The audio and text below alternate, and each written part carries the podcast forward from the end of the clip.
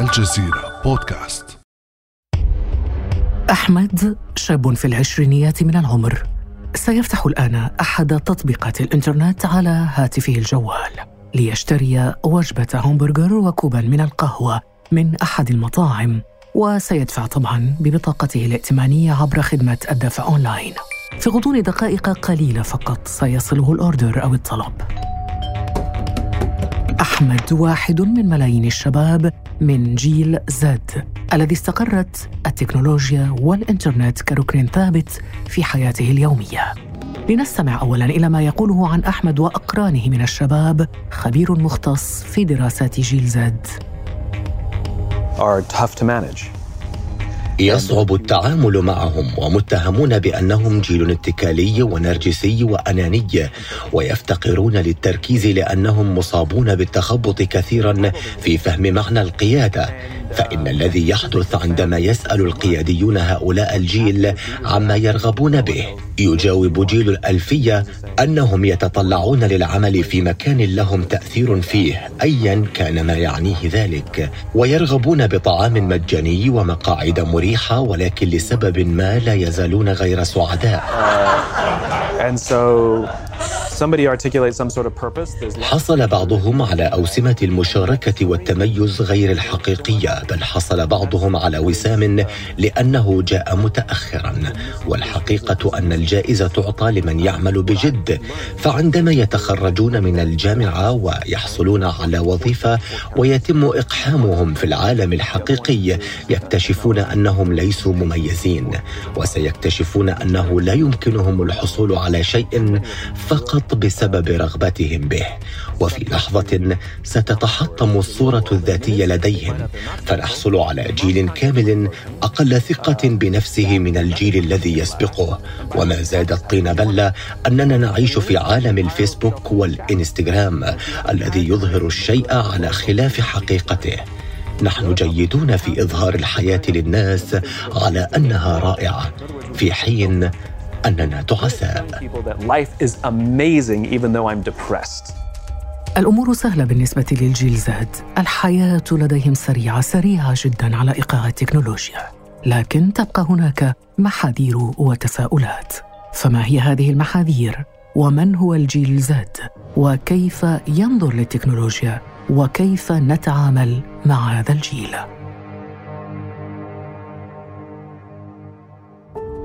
هذا ما سنحاول التعرف عليه في هذه الحلقة من بعد أمس. أنا خديجة بن جنة.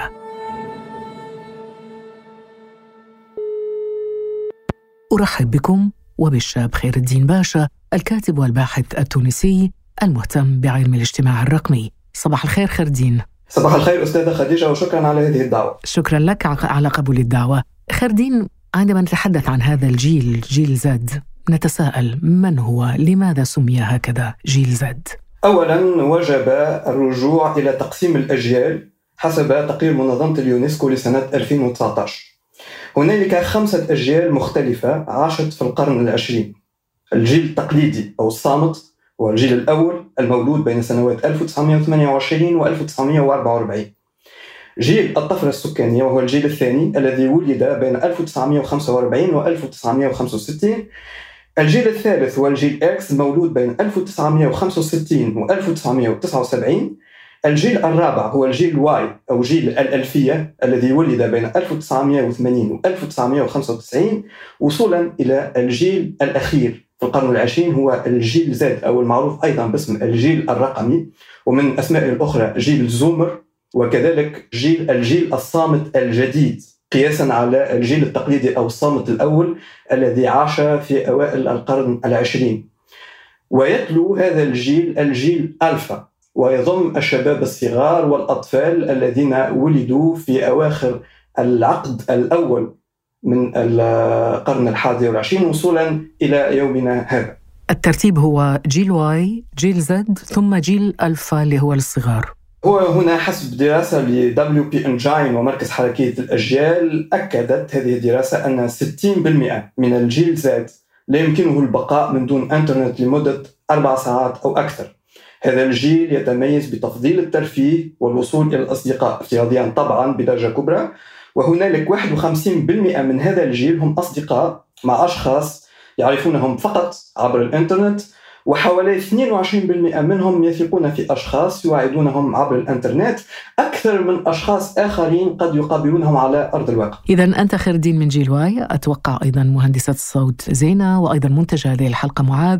لا أدري أنا وين تصنيفي لأنه أكيد قبل Y ولكن عرفنا الآن أنه هناك تصنيف للأجيال Y Z وألفا. الآن عندما نتوقف عند الجيل زد وهو الجيل الذي ذكرته والذي يبدأ ربما من منتصف التسعينيات أليس كذلك؟ هنالك اختلاف في المراحل التي يحدد من خلالها هذا الجيل. هناك من يقول أن البداية من 1996 هناك آخرون يقولون أنه 1997 وحتى في تاريخ نهاية هذا الجيل نفسه. يعني هناك من يقول 2008 2010 يعني هنالك تباين نوعا ما ولكن هو السياق العام أنه بين 1996 إلى 2006 تقريبا. طيب. هذا الجيل يقال دائما أنه هذا الجيل معزول انطوائي يعيش فقط مع الإنترنت والكمبيوتر والهاتف الجوال وغيره. يعني ما الذي سبب هذه العزلة لهذا الجيل جيل Z قبل أن أخذ منك الإجابة خير الدين لنستمع معا إلى ما قاله مارك زوكربيرغ حول انطلاق الميتافيرس الذي يخلق عالما افتراضيا للجيل الجديد. بخصوصية وأمان الحاجة لكي تكون مدمجا في ميتافيرس من اليوم الأول. عليك أن تقرر متى تريد أن تكون مع أشخاص آخرين. عندما تريد منع شخص من الظهور في مساحتك أو عندما تريد أخذ قسط من الراحة. والانتقال الفوري إلى فقاعة خاصة بك لتكون بمفردك. ستكون قادرا على إحضار ذلك من العالم المادي إلى عالم الميتافيرس. خير الدين ما تعليقك على كلام مارك زوكربيرغ؟ هو في الواقع هنالك آه، انفتاح كبير من هذا الجيل جيل Z تجاه الويب في رؤية الإنترنت كقوة خير ينظر إليها كقوة خير أكثر حتى من الأجيال السابقة. ويعتقد أن هذه الحركية الرقمية قد تكون جزء أيضا من حركة اجتماعية على أرض الواقع. كما أن هذا الجيل يرى أن الذكاء الاصطناعي سيكون له تأثير إيجابي في العالم. بالتالي نتحدث هنا عند هذا الجيل خصوصا عن تجاوز للتمييز بين فضاء المكان الواقعي المادي وفضاء التدفق. الأجهزة الجديدة الآن التكنولوجية فتحت لهذا الجيل نوعا من الفضاء الذي جعل من حصول التفاعل الاجتماعي في الوقت الحقيقي ممكنا ويسيرا دون حتى شرط التجاور الجغرافي المادي. هذا طبعا بفضل تدفق الشفرات والبرمجيات والمعلومات الرقمية. الشفرة اليوم هي قطب الرحى في عالم الشبكات والركيزة الفنية للمجتمعات وبالتالي تغير واقع هذه المجتمعات حاليا لتصبح البرمجيات متخللة لجميع جوانب الحياة اليومية. يعني الشفرة اليوم أو التقنية لديها القوة لتشكيل العالم المادي وإعادة إنتاجه. هذا ما يؤدي بالتبعية إلى ضعف الالتزام بالمؤسسات والأعراف. نجد عند هذا الجيل الذي آه، يشارف آه، كبار السن فيه فلنقل آه، المرحلة التي تتطلب الالتزام المبكر بالزواج والالتزام بنوع من الحياة المستقرة. لكن لا نجد هذا شائعا جدا لدى أفراد الجيل زاد. كذلك هذا الجيل لا يلتزم بتلك القواعد الصارمة القواعد النحو يعني معظمهم يعزف عن الزواج؟ جزء كبير منهم على الأقل يعني مقارنة بأجيال سابقة نجد أن فكرة الارتباط الرسمي الصارم أقل نوعا ما من الأجيال هل هذا بسبب الارتباط الافتراضي؟ لأنه على تيك توك وعلى الانستغرام وباقي المنصات يسهل التواصل والارتباط عاطفيا بأشخاص؟ آه، طبعا آه، هذا عامل مهم جدا. نجد أن آه، أبناء الجيل زاد قد أنتجوا عالما خاصا. أصبح هذا الجيل يعتمد على وسائل معينة للوصول إلى الخبر والمعلومات ومجالات أخرى تعبر عن وجهات نظرهم وتحقق حتى من صحة بعض المعلومات. بالتالي الاستخدام الواسع للإنترنت لدى هذا الجيل وتكيفه مع التكنولوجيا وتفاعله مع التواصل الاجتماعي يشكل جزء كبير من حياته الاجتماعية. يعني هذا الجيل يشعر في داخله بعدم الأمان عدم الأمان بالمقارنة مع الواقع المعيشي. لأنه هذا الجيل عاصر فترة الركود الاقتصادي سنة 2008 نتحدث هنا في العالم المتقدم بوجه خاص عن آباء هذا الجيل الذين فقد عدد منهم وظائفهم في تلك الأزمة. ونتحدث كذلك عن جيل زاد الذي عاش في المنطقة العربية خلال فترة الثورات وعاصرها وتشكل جزء من وعيه السياسي من خلال هذه الثورات والتي أدت تبعا لذلك إلى نوع من عدم الاستقرار السياسي أو الاجتماعي في بعض البلدان العربية. جعلت هذا الجيل يعيش حالة من عدم الأمان والاستقرار التي وجهته بشكل كبير نحو العالم الافتراضي أكيد هناك عزلة، أكيد هناك انطوائية، أكيد هناك عدم شعور بالأمان وغير ذلك. لكن هناك سؤال مهم خير دين باشا وأنت مختص في هذا الأمر وبالتأكيد تتابع تيارات شباب أو جيل زد إلى أين تتجه هل يمكن أن نقول أنه هذا الجيل يمكن التأثير عليه بسهولة؟ يمكن توجيهه نحو بوصلة معينة حتى سياسيا؟ هذا مؤكد ومن خلال الوقائع أيضا. نجد على سبيل المثال استطلاع رأي أمريكي يعود إلى نهاية 2021 يتحدث عن وسائل الإعلام المؤثرة في تلقي الشباب من جيل زاد لأخبار الانتخابات الرئاسية الأمريكية.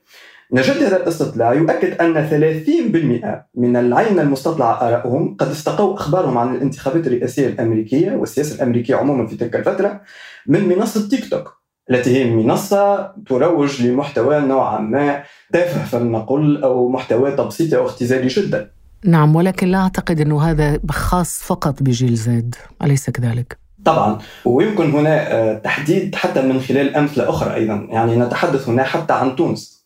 خلال الانتخابات الرئاسية لسنة 2019 كانت هنالك مجموعات مغلقة على الفيسبوك تضم بوجه خاص آه، شباب من الجيل زاد وحتى من آه، جيل الألفية التي قامت بهيكلة وتعبئة جزء كبير من هذا الشباب في اتجاه التصويت لمرشح رئاسي معين وقتها وهو الرئيس الحالي قيس سعيد. يعني موجود هذا التأثير التأثير قد يكون أحيانا آه، ذو أبعاد سلبية بشكل معين اتجاه الدمغجة هل يمكن أن يكون هذا التأثير إيجابيا خير الدين؟ واحيانا قد يكون إيجابي طبعا. ولكن هو هنا هذا التأثير عموما يطمس هوية واختيارات الشاب نفسه. من خلال مقارنة البرامج من خلال قراءة التوجهات العامة التركيز على خطاب المرشح متابعة الأحداث السياسية من زاوية حيادية أكثر وموضوعية وموثقة. وهنا نلاحظ أن الدعاية خاصة لأن التيك توك أو غيره هي وسائل بالأخص دعائية أكثر منها تقديم للمعلومة في قالب موضوعي معين. نعم. لكن كأنك تقول خردين باشا أنه جيل زاد لا يملك شخصية خاصة به لكن تصنع له شخصية من يعني التكنولوجيا تصنع له شخصية. هو في الواقع آه، سؤال مهم جدا لأنه في علم الاجتماع الرقمي خاصة هنالك ثلاث فضاءات رئيسية. ربما هنا يجب معرفة هذه الفضاءات حتى أنه موقع الجيل زاد ضمنها ونكتشف حتى الآفاق المستقبلية حتى بالنسبة للجيل ألفا. هنالك فضاء أول رئيسي هو الفضاء المعزز. هذا الفضاء يحتوي على البنية التحتية الرقمية الأساسية. يعني نتحدث هنا عن وسائل التواصل الاجتماعي نتحدث عن الفيسبوك عن التويتر خاصة التي لديها وجود واضح للغاية مع نتائج وآثار واضحة. يعني هنالك قدرة بشرية وآلية مميزة لهذا الفضاء وهنالك درجة من التحكم البشري فيه. لكن إذا صعدنا قليلا ضمن هذه الفضاءات سنجد فضاءين تحضر فيهم الثقافة الرقمية بشكل أقوى وتكون وسائل التأثير أو الاقتراب من التأثير الآلي أكثر. هنا نتحدث ثانيا عن الفضاء المعدل وهو فضاء يحتوي على بنى تحتية رقمية متقدمة ويحتوي كذلك على إمكانية تتبع الشخص واقتفاء أثره وهو فضاء متصل ولا مركزي ويعتمد على زيادة القدرة التكنولوجية والقدرة المتطورة الخوارزميات ويتحدى قدرة الإنسان.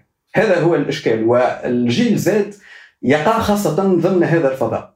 وهو يشمل كذلك حتى أجيال أخرى ولكن التأثير الأكبر يشمل الجيل Z. المخيف أكثر هو الفضاء الثالث وهو الفضاء المسمى بالفضاء المحول لأنه يحتوي على بناء تحتية رقمية عالية التطور ومستقبلية. يعني تدمج ما بين الزمان والمكان. نتحدث هنا خصوصا عن عالم الميتافيرس الذي بشر به مارك زوكربيرغ مؤسس شركة فيسبوك. نتحدث هنا عن قوة خوارزمية هائلة تبلور مجالات الحياة والمسارات. يعني نتحدث هنا عن مرحلة اللاوعي التكنولوجي. التكنولوجيا تصبح تتنبأ بما يريده الشخص وتحدد مجال تحركه داخل بيئة ذكية وواعية بالسياق. نجد هنا مثلا ال Google Assistant كمرحلة نوعا ما بدائية في هذا المجال ولكن عالم الميتافيرس وهو عالم سيشمل كذلك أو خاصة جيل الألفا أكثر حتى من جيل Z سيموقع هذا الشباب ضمن تأثير قوي للعالم الرقمي وتأثير قوي للآلة.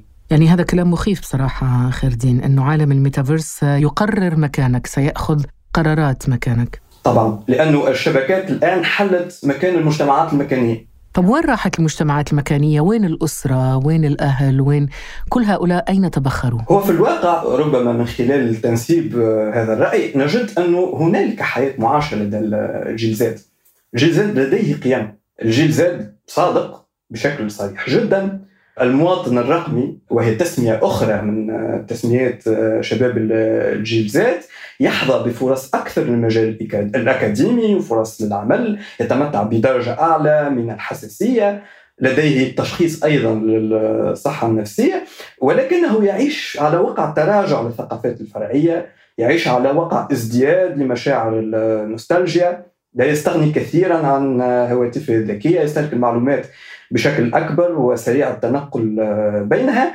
وما زال يوجد دور للأسرة ولكن هذا الدور يتضاءل شيئا فشيئا. نعم يعني هناك إيجابيات. طبعا. الأمر ليس كله مساوئ. هنا يمكن الحديث عن أن الجيل زاد برغم موجة التنميط وبرغم موجة القولبة فلنقل. يحتوي هذا الجيل على عديد النقاط الإيجابية. مثلا هذا الجيل دافع عن عديد القضايا بشكل غير مسبوق بوسائل مستحدثة نلاحظ هذا مثلا من خلال انخراط الجيل زاد في الدفاع عن القضية الفلسطينية سنة 2021 عبر وسائل التواصل الاجتماعي. من خلال حتى التيك توك والإنستغرام نجد مؤثرات على الانستغرام تقوم بالدفع في اتجاه الوعي بالقضية الفلسطينية وغير ذلك. ونجد حتى تأثير حتى على الرأي العام العالمي. نلاحظ أن الجيل زاد ساهم في تعاطف غير مسبوق مع القضية الفلسطينية وخاصة سنة 2021 وما زال إلى الآن خير الدين يعني هناك حملات قوية جدا على طبعا. ال social media. يساهم فيها هذا الشباب جيل Z انخراط في دعم القضية الفلسطينية انخراط أيضا في حملة مقاطعة المنتجات الإسرائيلية. هذه أشياء إيجابية ولكن هناك أيضا حملات أخرى فيما يتعلق بدعم المثلية الجنسية وغيرها. إذا نحن نسير في اتجاهين.